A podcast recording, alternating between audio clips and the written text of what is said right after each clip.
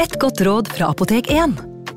Nå er snart pollensesongen i gang, og et godt råd til deg som sliter med pollenallergi, er å begynne behandlingen i god tid før allergisesongen starter. Da får du nemlig enda bedre effekt av legemidlene, og så blir ikke våren din helt ødelagt. Kom innom og få råd på ditt nærmeste Apotek 1, eller chat med oss på apotek1.no.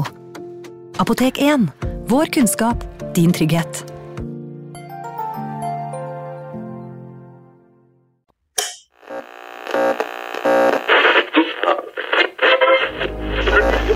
Vi skal gjenta særmeldingen i dag. Nummer én Kjerringa er galen. Nummer to På ski over lyng og kvast. Nummer tre Baklengs inn i aftensangen. Baklengs inn i aftensangen. Det er torsdag 26. mars eh, 1942, og vi er på kino. På Årnes er det en eh, film som vises på Samfunnshuset. Hvilken film er det, Erik? Filmen het eh, Midnattssolens sønn, og det var en eh, film som handlet om et eh, ungt eh, samisk par langt mot nord som eh, drev reindrift. Og filmen handlet egentlig om hvordan eh, livet til dette paret var, utfordringene de hadde i hverdagen sin, og dyrket og veldig dette samiske og det nasjonale, det Ja. norske. Så det var innafor for sensuren på den tiden å vise disse filmene. Ja.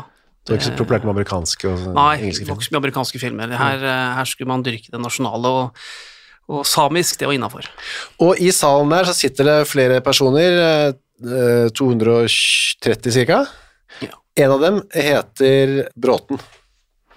Kolbjørn Bråten, Kolbjørn Bråten, ja. 26 år gammel, han sitter og ser på film denne kvelden sammen med en, en kamerat. Har fått seg noe sjokolade som han har kjøpt. Ja. En som også sitter i salen, antageligvis skal vi se for oss da, litt lenger bak, en som heter Reidar Kristoffersen. ja, han sitter også i salen og følger da med på disse to, og særlig på Kolbjørn Bråten. Reidar Kristoffersen han har jo da kommet til Årnes denne kvelden og har én jobb, et oppdrag. Og det er. Det er å drepe Kolbjørn Bråten. Og da, før vi eh, fordyper oss i hvordan det gikk, Eirik VM, så skal vi bare ta kjapt. Du er altså, sammen med meg da, Kyrre Holm Johannessen, eh, vi har denne podkastserien her om det som heter likvideringer under andre verdenskrig i Norge. Og hva er en likvidering, eller var da? Altså, de likvideringene som ble utført av den norske motstandsbevegelsen, var altså beordrede Vi kan kalle det drap. Det handlet om å ta livet av, av et annet menneske. Og de som skulle likvideres, det var da personer, både menn og kvinner, som jobbet for okkupasjonsmyndighetene, for det tyske sikkerhetspolitiet, for Nasjonal Samling, og som ble sett på som en så alvorlig trussel mot motstandsarbeidet, mot Milorg, mot den norske motstandsbevegelsen, at de skulle faktisk da drepes for å da rydde unna et eh, problem. Og det var da ikke tyskere, ikke sant? De likviderte. Nei, det var, eh, det var et tre-fire tyske borgere som ble, ble drept. Det det Litt tilfeldig, men det var norske. Det var nordmenn. Norske kvinner og menn da, som skulle drepes. Dette er nordmenn drept av andre nordmenn, Ja. uh, uten noe spesielt Det var ikke noen rettssak eller noen form for sånn dom før det skjedde. Nei, det var, eh, det var en rettsprosess. Det ble tatt en beslutning. Enten så ble den tatt eh, på øverste hold i Milorg og eh, godkjent av de norske eksilmyndighetene i London, eller i og for seg også i Stockholm. Mens andre ganger så skjedde det mer på impuls. Det oppsto kanskje en, en hendelse eller en episode, og så ble da en person likvidert. Da snakker vi ikke om en eh, type sånn skuddveksling eller noe sånt. Det var da altså man bestemte seg for at nå skal vi ta livet av ham. Ja. Uh, kanskje en eller annen som ble tatt til fange eller noe sånt, og så tok man livet av ham, og så ble det godkjent da som en likvidasjon i ettertid. Ja.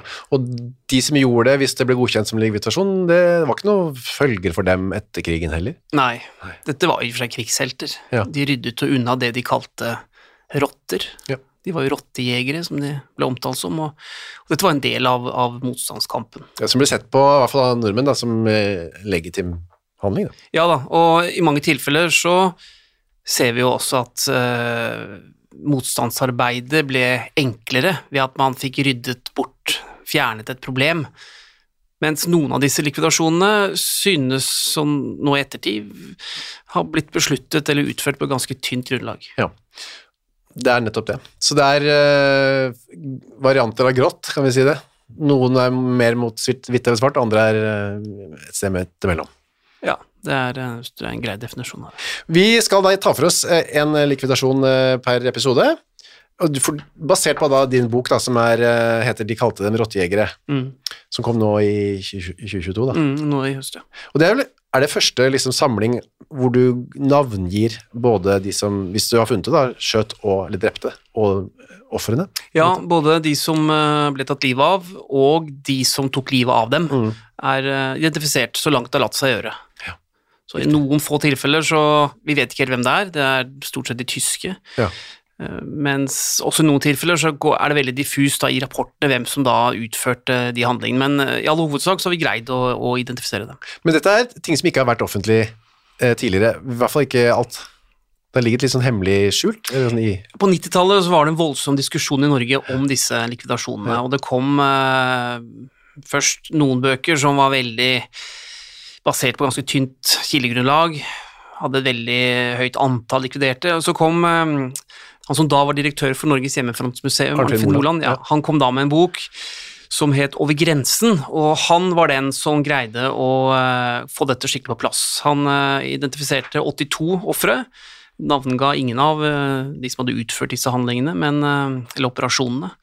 Men den ble, har blitt stående som et standardverk, og den står seg veldig bra fortsatt. Mens jeg har jo tatt tak i arbeidet hans og jobbet det videre ut. Så nå har vi kommet enda litt nærmere kanskje det som både er et korrekt antall og mer detaljer rundt hvordan dette her ble utført. har ikke du fått tilgang til et sånt skap som har vært liksom, litt sånn, eh, luktelåst? Jo, det såkalt sperrede arkivet oppe Ja. på eh, Hjemmefrontsmuseet, så det fikk jeg full tilgang til, uten noen begrensninger. Og har jo samarbeidet da med, med Norges Hjemmefrontsmuseum, og fikk også tilgang til en del lukkede arkiver oppe på Riksarkivet. Oh, ja. Så eh, Hvorfor det? Er det fordi de syns tiden er moden? Det har gått så lang tid, og folk er døde? Sånn, er det? Eller? Jeg tror det ligger noe der at det kanskje var på tide også å åpne opp denne delen av, av norsk krigshistorie fullt ut, og kanskje også få åpenhet om ja, kanskje det siste tabubelagte området Mm. av krigshistorien vår. Ok, så da er det tilbake igjen til eh, Årnes. Eh, hvor er Årnes? Ja, Årnes ligger oppe i Nes kommune, det er eh, på østsiden av Glomma, Ja, og i og for seg noen kilometer sørøst for Vormsund. Vormsund, ja. Som er, hvis du kjører liksom til Gardermoen, så tar du liksom til høyre ved Kløfta der omtrent? Ja. Altså? omtrent oppi der, Ja. så, og litt østover. Ja. Og dette er altså 1942, eh, og dette er den første likvidasjonen, liksom, eh, som ble utført. Ja, det er den første kjente. Kjente, ja. Eh, Da er vi jo da 26. mars i 1942. Hvorfor eh, er det såpass seint ut i krigen, da? Hvorfor gjorde man det ikke før? Ja, altså, Godt spørsmål. For det første så var ikke dette en metode som var noe særlig innarbeidet i motstandsbevegelsen tidlig.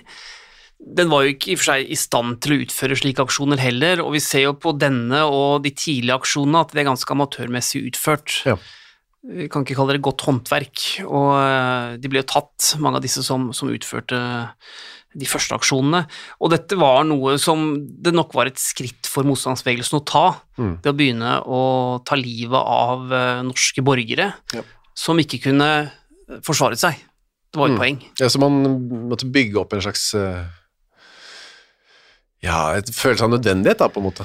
At var, man måtte bruke flere midler enn man hadde gjort tidligere. Ja, det, det tok tid før den norske motstandsvirksomheten ble etablert ordentlig, Ja. til at man kunne ta på seg og ha et ønske om å utføre slike oppdrag. 1942 var jo et eh, år hvor det dro seg til på flere måter, i forhold til jødene osv. òg, da de ble utvist eller sendt i, på Donau. da.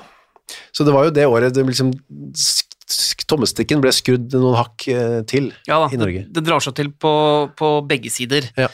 Og eh, kan du si det sånn at jo, jo tøffere Gestapo, stat, det norske statspolitiet og det tyske sikkerhetspolitiet, jo tøffere de ble, eh, jo hardere ble også motstanden. Ja. Ja. Og etter hvert så så man jo opprullingen av flere motstandsgrupper, og da så man jo også nødvendigheten av å slå tilbake på et vis og ta bort, fjerne de farene som var blant den norske befolkningen. Og Der var jo angiverne og infiltratørene ekstremt farlige. Ja. Og Kolbjørn Bråten, hvem eh, var han? Altså Det vi vet om han, er jo at han var en uh, ung mann, 26 år. Han bodde hjemme hos faren sin og eh, en stemor På Årneset? på Årnes. Ja. Og så hadde han en, uh, en yngre bror som var ganske liten, han var sju år. Han het Ja. Sven. Med en halvbror, det da, Det kanskje? ble en halvbror, ja. Ja. Og så var det da pappa Christian, og så var det stemor eh, Gina. Og de bodde jo da oppe på Årnes der. Eh, Pappaen eh, jobba vel på jernbanen, var vel konduktør, eller eh, jobba på stasjonen der. Og eh, de bodde jo da i et eh, i et hvitt trehus. Jeg har sett bilder av det fra den tiden, og det er veldig idyllisk og koselig der oppe. Og Kolbjørn eh, Bråten han eh, har vel ikke noe særlig utdannelse, og sånn, men han, han jobber med litt sånn forskjellige strøjobber. Han, er, han jobber som fyrbøter, og, På togene, ja. ja, og så passer han eh, å holde fyr i, i ovnene inne på noen butikker og noen lager og sånn på, på natta der og sånn, så han, han har litt sånn strøjobber. Og så sies det jo da at han også var litt involvert i, i, i arbeidet som politiet drev der oppe, altså lensmannen Ja. Og drev litt sånn som sjåfør og var litt inn og ut av, eh, av kontorene der. I tillegg så var han også visstnok da involvert i noe motstandsarbeid. Mm. Og eh, ikke noe betydelig rolle, men han, han, han gikk rundt og var en del av det miljøet. Og det sies om at han kjente folk da i begge leire, både i det nazistiske politiet Mm. og i og for seg også da i, i eh, motstandsgruppene der oppe. Ja, for når du sier at han jobber for politiet, så var politiet, som du sier, eh, nazifisert på den tiden. Ja, iallfall en del av regimet, Ja, da. Så eh, en del av okkupasjonsmyndighetene. Så da er han kjent Han kjenner, og er også kjent av folk på, i, i begge leirer, da. Ja, og han blir sett på som litt sånn vanskelig å plassere. Hvilken leir tilhører han egentlig? Mm. Og så er han visstnok også litt sånn som prater litt. At han skravler og snakker og skryter litt, at han kjenner folk både her og der. Og, og i den tida her så skulle man kanskje holde litt kjeft, Ja. ligge litt lavt. Det gjorde ikke han, virker det som. Og kan også tenke seg at han bodde jo hjemme hos faren sin og hadde kanskje ikke så mye tilgang til verken venner eller eh, miljøer eller eh, Det er ikke noe Det dukker ikke opp noen noe kvinnehistorier eller noe sånt noe, så, så han var kanskje en som hadde litt behov, da. Litt ønske om å, om å gjøre litt ut av seg, Ja. kan det virke som. Og skryte litt, kanskje, da, om hvor godt liksom, eh, god kontakt han har i de forskjellige miljøene osv. At han vet mye om folk og vet om hemmeligheter osv. Ja, det er det, det er det som blir sagt etterpå. Ja. At han, han snakket litt på seg, kanskje litt mer kunnskap enn han egentlig hadde. Og det skulle jo være skjebnesvangert for han da. Fordi det som skjer er at uh, han, i eh, den Milorg-ledelsen som er der oppe, så blir man bekymra. Ja. Fordi Kolbjørn Bråten fremstår som litt sånn i overkant nysgjerrig. Ja. Spør litt mye. Oh, ja. Og så blir det på et eller annet tidspunkt da bestemt at uh, han må vi faktisk rydde av veien. Og det er et ganske, fra det vi har snakket om nå til det, og han må vi drepe, det er, virker for oss veldig langt og sånn brutalt sprang da. Ja, og, og det er der eh, jeg føler at kildematerialet rundt Kolbjørn Bråten, eh, der er det noen hull. Ja. For det kommer ikke noen sånn spesielt god forklaring på hvorfor. Hva ble sett på rundt ham som en så stor trussel at han skulle drepes? Ut fra beskrivelsen av ham så kunne han kanskje blitt skremt bort. Han Ja. var ingen tøffing. Okay. Så kanskje man kunne ja, tatt han til fange, gitt ham eh, noen klare advarsler på forskjellige måter, og så hadde han løpt til skogs og kanskje rømt til Sverige og sett Ja. sånt, men i stedet ble, da, ble det da bestemt at han skulle faktisk da tas livet av. Og hvem var det som bestemte det? Det var to sånne sjefer, var ikke det?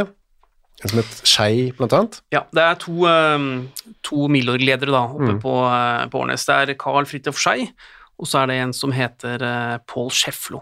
Ja. Og Det er de to som da tar den avgjørelsen, muligens også sammen med andre da i Milorg-miljøet der oppe, om at eh, da Kolbjørn Bråten skal tas livet av.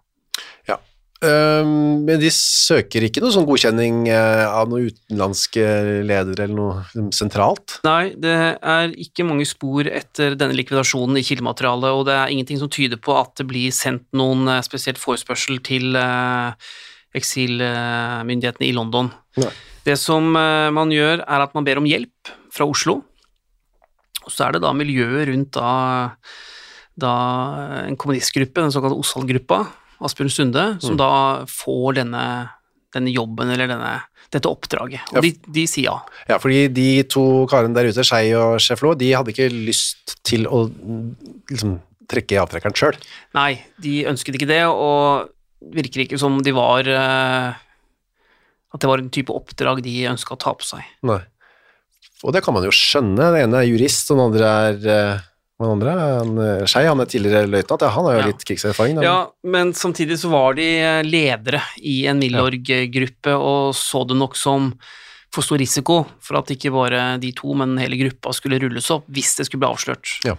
Så da tar de kontakt via noen eh, på Sørumsand der, litt i, i nærheten, om å be noen i Oslo om å komme opp og, og, og ta kverken, da, si, livet av Kolbjørn Bråten.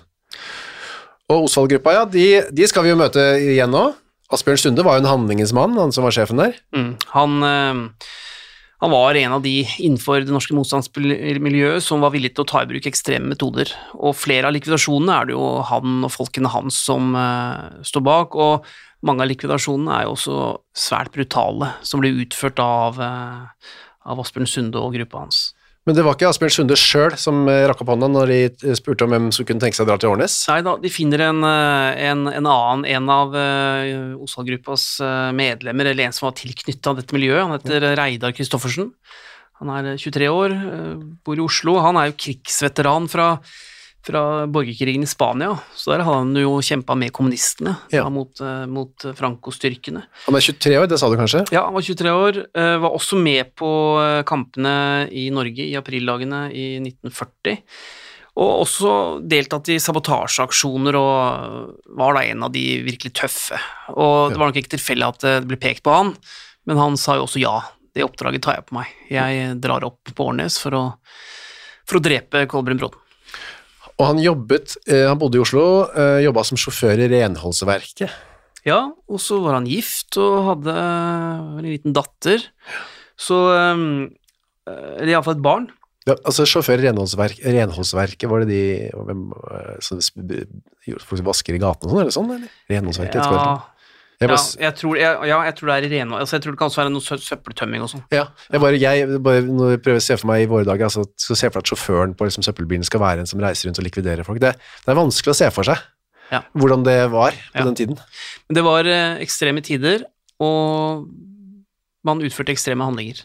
Og det var det vanlige mennesker som gjorde, som Reidar Christoffersen. Skulle da han få eh, penger for det, eller? Det- Det ble sagt etterpå at det var noe betaling inne i bildet, her, men det var eh, neppe noen store summer og, og sånn. Her, eh, her var det snakk om å gjøre et oppdrag fordi man på Årnes mente at eh, Kolbjørn Bråten var en trussel mot dem. Og da var det som en soldat på en måte ble bedt om å gjøre et oppdrag, Ja. så var det Det var en krigshandling i en krig. Det var sånn de så det. Det var sånn de så. Ja, ja. Ok, så da uh, reiser Reidar Kristoffersen opp til Årnes en tur først, eh, 25. februar. Stemmer. Han drar opp for å rekognosere. Han eh, blir observert idet han sitter på en kafé og drikker kaffe, og så er han rundt omkring i dette tettstedet for å se hvor ting er, og sannsynligvis finner han ut hvor eh, Kolbrun Bråten bor, han møter oppdragsgiverne sine, og så drar han tilbake igjen til Oslo, hvor han da bor. Han er for øvrig fra Nedre Eiker utenfor Drammen, Ja. men har da bodd i Oslo en, noen år, da. Og det som er ulempen, eh, kan vi allerede røpe litt, er å komme som Det er jo kanskje ulempen nå med å leie noen eksterne folk. På Årnes, og kanskje spesielt under krigen, så er, man legger merke til fremmede menn som setter seg og drikker kaffe og liksom spør og graver og titter rundt. Og. Ja da, det var det som var feilen her. Ja. At de greide ikke, eller han da, Reidar Kristoffersen greide ikke å gli inn i lokalmiljøet her. Han var plutselig bare en som var der, og så kommer han tilbake igjen og ble observert både på denne kinoen som vi snakka om, og, og ikke minst da når han var der et par dager tidligere. Og, og hele aksjonen får da et, eh, for motstandsbevegelsen også et, eh, et svært eh, uheldig Utfall. utfall Ja, det kommer vi til. For da drar han tilbake igjen, som du sier, til Oslo. Og så kommer han tilbake til Årnes 26. mars. Der møter han en person og får en pistol i hånda. For det måtte man ha. Ja, han får jo da et skytevåpen som eh, skal eh, være vanskelig å spore tilbake. Ja. Man regnet jo med at det ville bli uh, undersøkelser fra politi og, og tysk politi. Eh, så dette våpenet skulle da kunne brukes, og, og det skulle da ikke være mulig å finne tilbake til eierne. Også foran en sykkel. Ja, og denne sykkelen skal jo da være for at han skal lett komme seg raskt unna åstedet etter at da Kolbjørn Bråten er eh, skutt og Ja. Og bil, det var det ikke så mange privatpersoner som kjørte.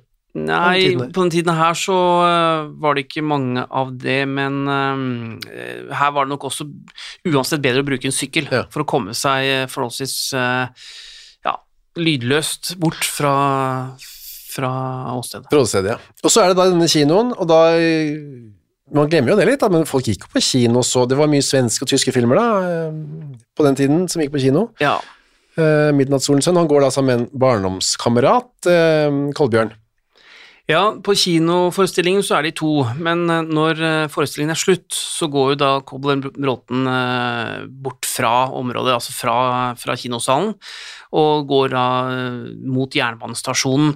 Og han skal dit fordi faren hans er på jobb der denne kvelden, Ja. og da skal jo Kolbjørn Bråten få husnøkkel, så han kan låse seg inn eh, hjemme i i huset, og så skal han da levere tilbake nøkkelen etterpå. Og det gjør han, kommer seg dit. Litt før elleve er han der på kvelden. Mm. Og så skal han komme tilbake med nøkkelen. Virker jo veldig tungvint, da. Ja, det virker litt tungvint, men kanskje de bare hadde en nøkkel. Ja. Man hadde jo kanskje bare en nøkkel på den tiden der. Uansett så er det det som skjer. Han eh, går alene hjemover da han stilte lag med sin eh, barndomsvenn. Og da er, følger altså Reidar Kristoffersen etter Kolbjørn Bråten. Ja. Og så skrus lyset av. Ja, og det skjer jo da klokka 11, det er jo da pga. rasjoneringshensyn, så da blir det også helt bekmørkt uh, i, uh, i gatene. Alle gatelys og alt. Ja, ja. Og så er det jo blendingsgardiner, Ja. så, man, ja, så det er ordentlig mørkt, altså. Men det, har jo, det, er jo, det er jo litt fascinerende å tenke på uh, hvor mørkt det var på den tiden. Man hører jo historier om folk som gikk på hverandre i mørk, og, og eh, folk som tok på seg jobb og eskortere damer hjem. For man visste jo ikke hva man møtte i mørket. Det var altså så bekmørkt, hvis det ikke var uh, måneskinn eller Ja. stjerneklart. Ja da, det skjedde jo også denne, denne natta, eller denne Ja. kvelden her. Så da går de hjemover i mørket, eh, Kolbjørn Bråten først, og så Reidar eh, etter han. Men da eh, så kommer de noe som, til noe som heter Skotøymagasinet. Mm. En skobutikk, da. Mm, like ved der hvor Bråten bor. Ja. Og da tar Reidar Kristoffersen kontakt. Ja. Og så er det en liten samtale mellom dem, og det som skjer er vel da sannsynligvis, ut fra forklaringen etterpå, at Reidar Kristoffersen spør Kolbjørn Bråten hvem han er, Ja. og får da bekrefta at eh, jo, dette er da rett person, det er Kolbjørn Bråten. Og så er det en liten samtale, altså vi snakker om at de utveksler eh, noen ord eller setninger, men vi vet ikke helt hva den samtalen handler om. Men eh, det kan jo være her at Bråten får beskjed om faktisk hva som skal skje. Ja. Så tar Reidar Kristoffersen frem en pistol, og han går da litt bak Bråten, som er da ja, noen centimeter eller kanskje en halvmeter foran ham. Mm. uh, og så avfyrer han da et skudd mot bakhodet. På ganske kloss hold, da. Ja, det er, det er, det er kort hold. Det er faktisk to uh, Eller ett skudd som går da inn i nakken, uh, skrått nedenfor da det ene øret, og så går denne, dette skuddet, eller prosjektilet, går da tvers gjennom hjernen Ja. og kommer ut gjennom, eh, gjennom pannebrasken. Ja. Og da er det jo ganske eh, brått slutt, Ja. vil jeg tro. Eh, Ja, Kolbjørn Bråten han, han faller om og blir også liggende da, i og for seg helt urørlig, så hvor lenge han levde Altså det kan være at han levde, men det er muligens noen sekunder, kanskje et minutt. Altså et slikt skudd, det dreper jo fort. Mm. Og Reidar setter deg da på sykkelen og tråkker eh, av gårde. Ja, han kommer seg unna raskt. Det blir da kun avfyrt ett skudd, men Mm. det blir da funnet kruttslam etterpå i nakken. Ja. Og det betyr at det da må ha skjedd på, på veldig, veldig kloss hold. Ja. Så da er det å sykle vekk. Han har med seg fått en sånne smørbrød, eh, Reidar. Har fått av han Pål Sleffo, da. Ja, han hadde fått noe niste, så ja, det er vel for at han skulle enten kanskje man tenkte at han måtte gå i dekning, gjemme seg ute i skogen eller eh, i området der, men uh, han uh, syklet jo da eh, til en altså, togstasjon i nærheten og kom seg i- da på et nattog og kom seg tilbake til Oslo. Ja, Så sies det at han fikk etterpå 80 kroner da han kom tilbake til Oslo, da. Ja, og så noe betaling eh, kan han ha fått, men dette var også noe som okkupasjonsmyndighetene, det tyske sikkerhetspolitiet, brukte etterpå når man skulle Ja. forsøke å oppklare saken, og vi vet jo ikke helt om det stemmer. Ok, det kan være altså, at leiemordaktig. Ja, ja, at de forsøkte å fremstille det som det, og da, da, da var dette en ganske stor sum, og ville selvfølgelig bli brukt for å vise at det var, det var penger som var drivkraften her, ikke kampen for Norge. Riktig.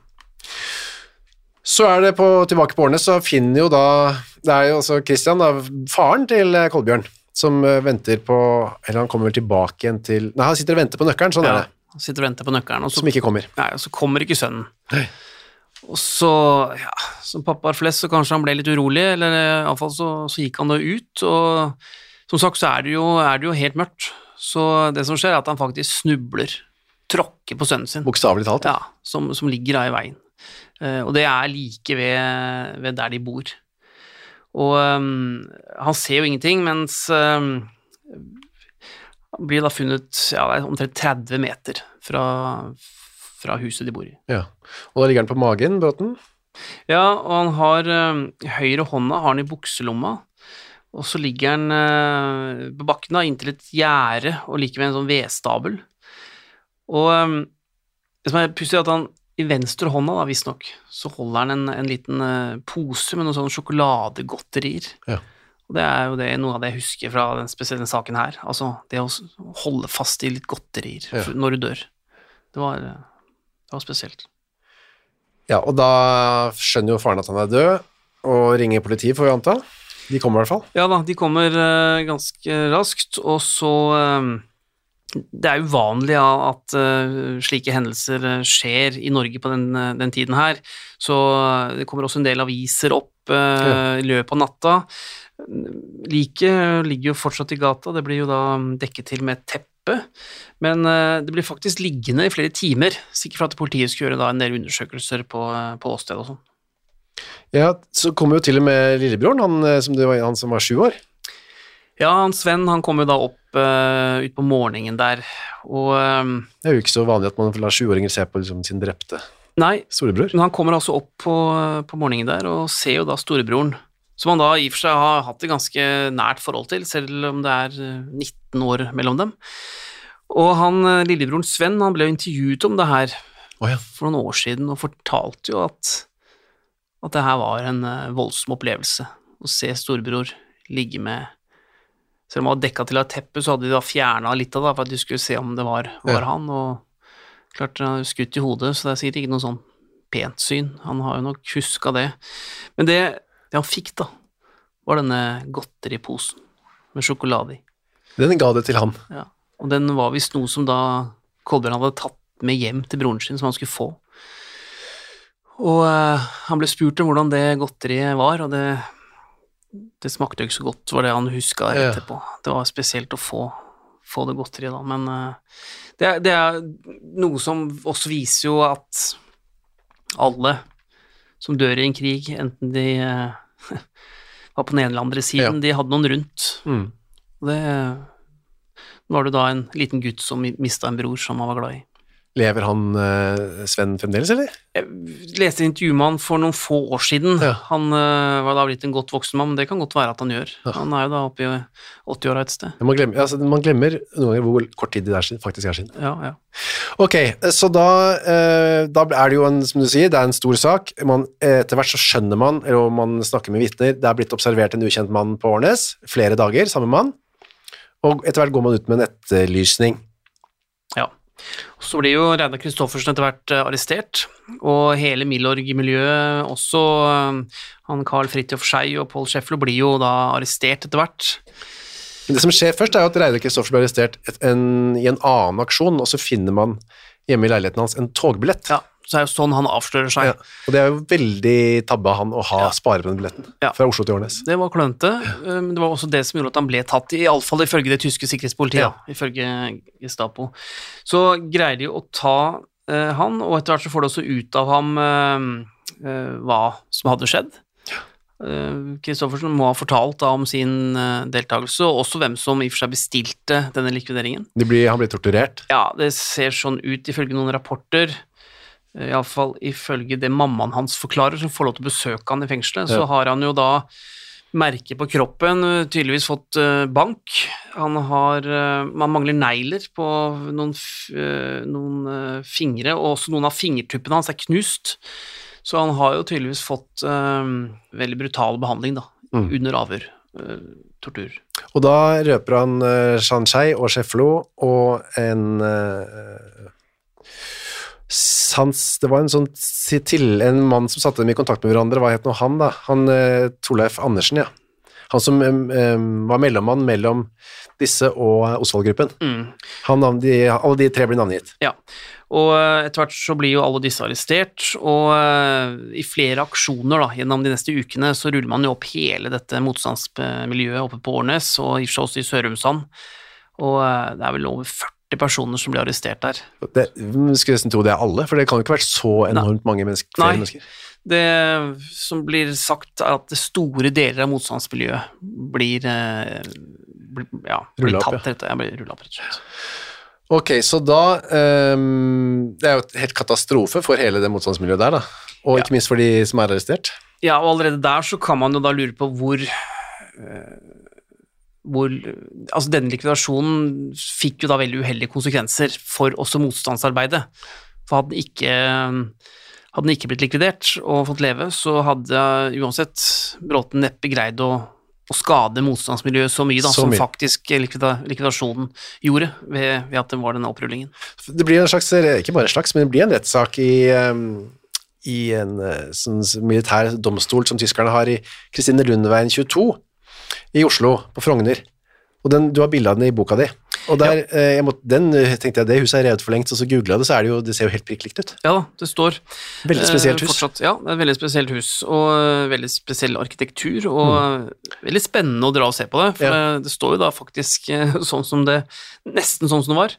Man kan jo tenke seg da at her gikk jo da tyske SS-offiserer inn og ut og, og dømte norske motstandsfolk til døden før de dro tilbake igjen. Ja, og det var jo da eh, det som skjedde, en domstol hvor man, eh, og det var litt uvanlig på den tiden, eh, skriver du, at man inviterte inn også en del presse for å se her hvordan vi behandler eh, dom, ja, altså folk vi arresterer da, fordi vi er et sivilisert samfunn videre. Ja, det var jo, hensikten her var å vise frem at disse terroristene, som det ble omtalt som, Mm. de fikk en form for en rettferdig rettergang. Nå var nok utfallet gitt på forhånd.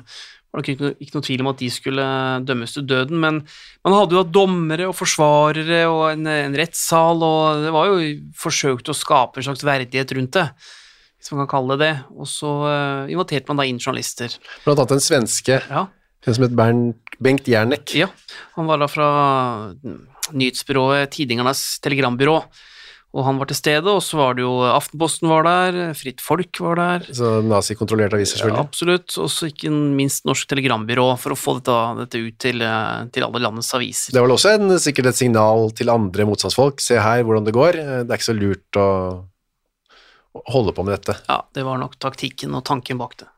Um, du skriver blant annet her at uh, de har en tolk, en norsk uh, sånn, uh, frontkjemper, tidligere frontkjemper, som ikke oversetter så bra. Oversetter dårlig, rett og slett. Mm. For de kunne jo ikke gå godt tysk, disse tiltalte. Nei, og de forstår nok ikke så mye av det som blir sagt, og, og, det, og denne svenske korrespondenten, Bengt Jernek, han, han kan gå tysk og høre at dette her eh, er bare rart å, å høre på, men eh, som sagt så eh, er utfallet gitt på forhånd, så det var ikke så mange protester, og, og de ble jo dømt til døden, mange av dem. Ja, dommeren gjesper og kjeder seg og alt. Så det her. Ja, det blir vel også beskrevet som en parodi av en rettssak, det her. Så, eh, men den ble skrevet om, fyldige gjorde referater, og eh, ble jo fremstilt som en seriøs eh, og rettferdig domstol. Men eh, det var den jo ikke. El, klokka 11, den eh, Hvilken dag er vi da? 26.-27. august. Og da kommer dommene klokka 11, blir de offentliggjort. Eh, Fem av åtte tiltalte dømmes til døden. Mm. Det er Skei, blir dømt til døden. Mm. Um, Reidar Kristoffersen, selve attentatmannen, blir dømt til døden. Mm. Han eh, Andresen, han som er mellommann Han eh, tar jo livet sitt, da. Ja. To dager etterpå. på Akershus. For at de ikke skal få gleden til å ta livet av ham, så gjør han det sjøl. Og Pål Scheflo, han nummer to som var med å bestemme dette her, Mm. han slipper dødsstraff. Mm. Hvorfor det egentlig? Så? Han blir jo eh, dømt til fire og et halvt år i tukthus.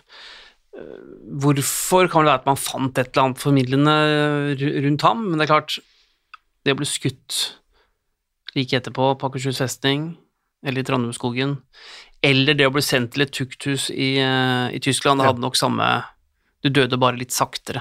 Ja, han døde da i 1944 Så i han, eh, han dør jo da av eh, enten utmattelse eller ja, han døde på et sykehus, og det kan jo være at han enten hadde noen skader eller rett og slett av, av sykdom, rett og slett. Ja. Mens Hans Skei, som var en av de andre som bestemte det der oppe, og selve Reidar Kristoffersen, blir skutt 8. september 1942 i Trandumskogen, og det er da Hvor er det?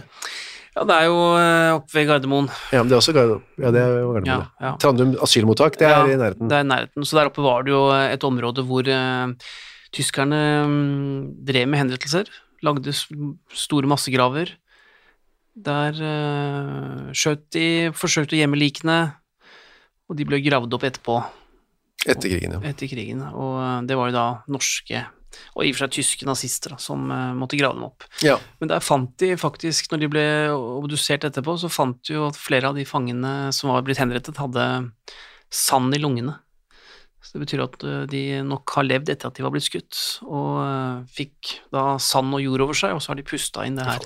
Det er uh... Mens, altså de er både skutt, men deretter levende begravet. da. Det er vel lystige greier vi holder på med her. Nei, det er jo ikke det. Samtidig så er det viktig å ikke glemme det her. Men når man går inn i de tingene som vi snakker om nå, så skjønner man jo at eh, mennesker kan jo også gjøre handling mot hverandre som nå etterpå bare fremstår som ondskapsfulle, grusomme, bestialske. Det var i hvert fall historien om den første skal si, offisielle likvidasjonen da, i, fra den norske motstandsbevegelsen under andre verdenskrig. Ja, Men det er ikke den siste, nei. og vi er tilbake med en ny historie neste uke.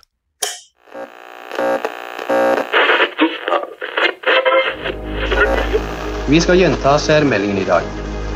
Nummer én Kjerringa er galen. Nummer to På ski over lyng og kvast. Nummer tre Baklengs inn i aftensangen. Baklengs inn i aftensangen.